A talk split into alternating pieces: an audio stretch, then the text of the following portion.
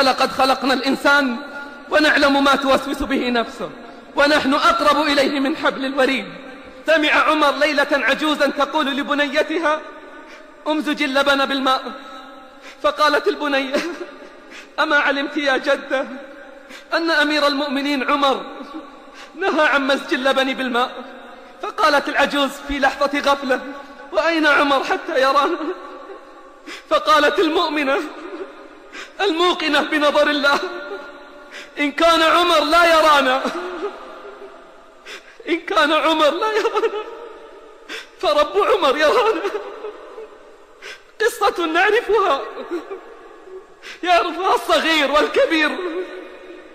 لكن أين أثرها في حياتنا؟ وفي معاملاتنا؟ عظموا الله فراقبوه. واستحيوا منه فهابوه. الله أكبر. عظم الآمر. فعظمت الأوامر.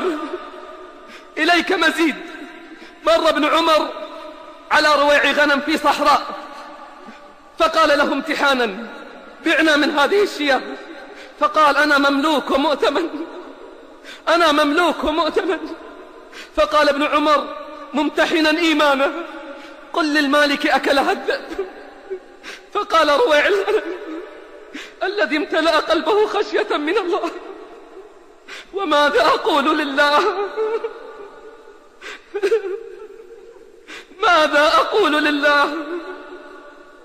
إن قلت للمالك أكلها الذئب فماذا أقول لله؟ ماذا أقول إذا نطقت الجوارح والأركان؟ اليوم تشهد عليهم ألسنتهم وأيديهم وأرجلهم بما كانوا يعملون. يومئذ يوفيهم الله دينهم الحق ويعلمون أن الله هو الحق المبين. فبكى ابن عمر وأرسل إليه من يعتقه وقال له كلمة اعتقتك في الدنيا. كلمة اعتقتك في الدنيا. أسأل الله أن تعتقك يوم أن تلقاه. أسأل الله أن تعتقك يوم أن تلقاه. قال بقلب مليء بالإيمان ومراقبة الرحمن. ماذا أقول لله؟ هذه أخبار كلنا يعرفها وسمعها مرات ومرات. لكن أيها الغالي أيتها الغالية أين أثر هذا في حياتنا؟ أين أثر هذا في حياتنا؟ ومن معاني البصير أي الخبير بأحوالهم وأفعالهم يعلم من يستحق الهداية ومن يستحق الغواية. إنه بعباده خبير بصير وكفى بربك بذنوب عباده خبيرا بصيرا تأمل وتدبر في قوله ألم تعلم أن الله يعلم ما في السماوات وما في الأرض؟ ما يكون من نجوى ثلاثة إلا هو رابعهم ولا خمسة إلا هو سادسهم ولا أدنى من ذلك ولا أكثر إلا هو معهم أينما كانوا. ثم ينبئهم بما عملوا يوم القيامة. إن الله بكل شيء عليم. وتأمل في قوله وهو الذي يتوفاكم بالليل ويعلم ما جرحتم بالنهار ثم يبعثكم فيه ليقضى أجل مسمى. ثم إليه مرجعكم ثم ينبئكم بما كنتم تعملون وهو القاهر فوق عباده ويرسل عليكم حفظه حتى إذا جاء أحدكم الموت توفته رسلنا وهم لا يفرطون ثم ردوا إلى الله مولاهم الحق ألا له الحكم وهو أسرع الحاسبين. هذه بعض من أسمائه وصفاته جل في علاه. فأين أثرها في حياتنا؟ أين الإيمان في حياتنا؟ أين أثر الإحسان في معاملاتنا وعباداتنا؟ إذا أردت أن تعرف مدى إيمانك فراقب نفسك في الخلوات. راقب نفسك في الخلوات. إن الإيمان لا يظهر في صلاة ركعتين أو صيام نهار بل يظهر في مجاهدة النفس والهوى.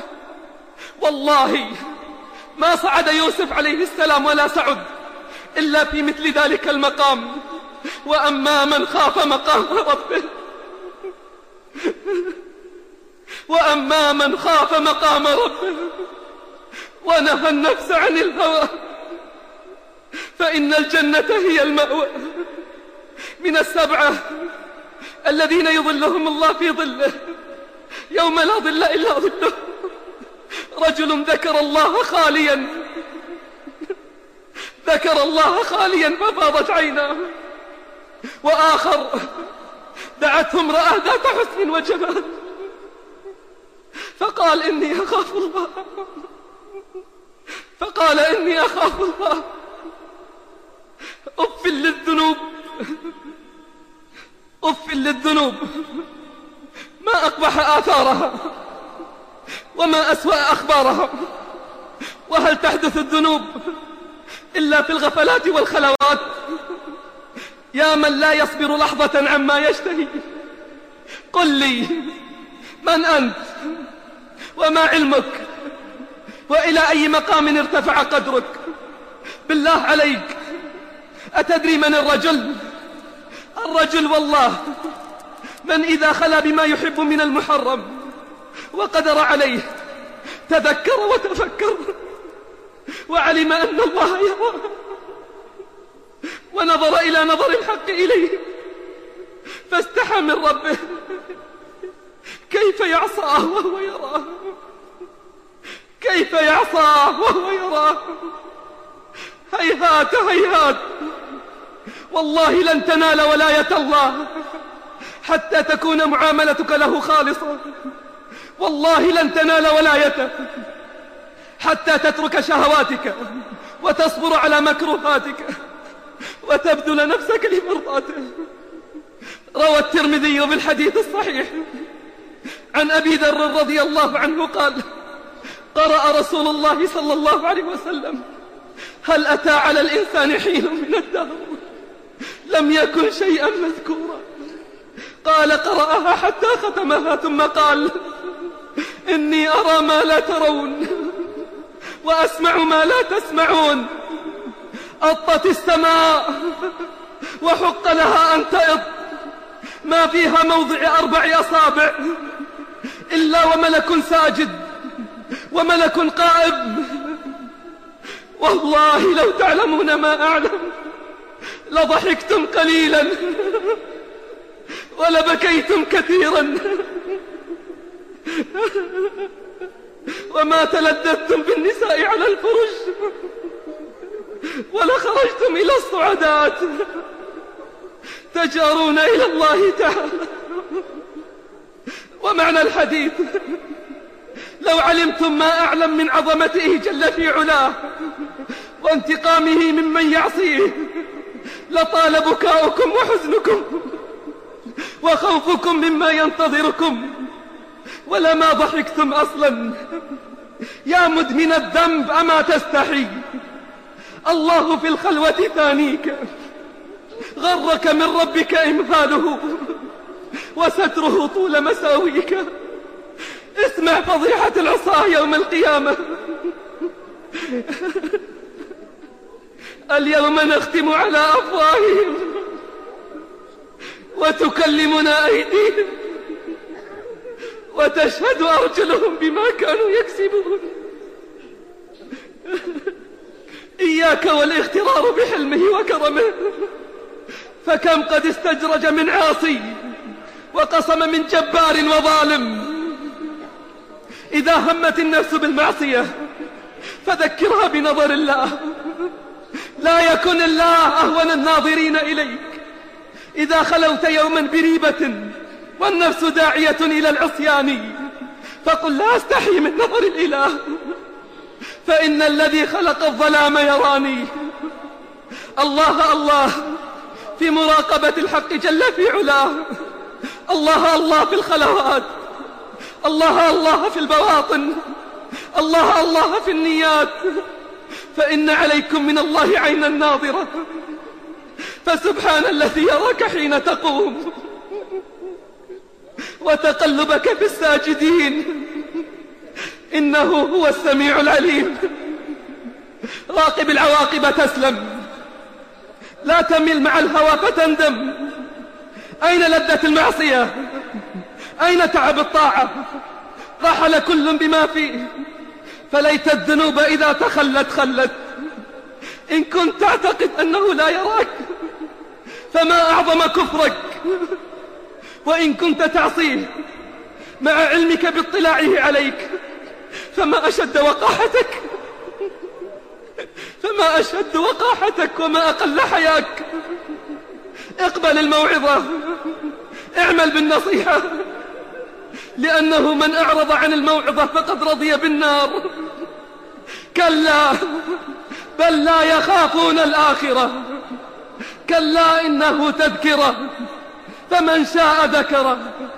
وما يذكرون إلا أن يشاء الله. هو أهل التقوى وأهل المغفرة. يا مسكين بأي بدن ستقف بين يدي الله؟ وبأي لسان ستجيب؟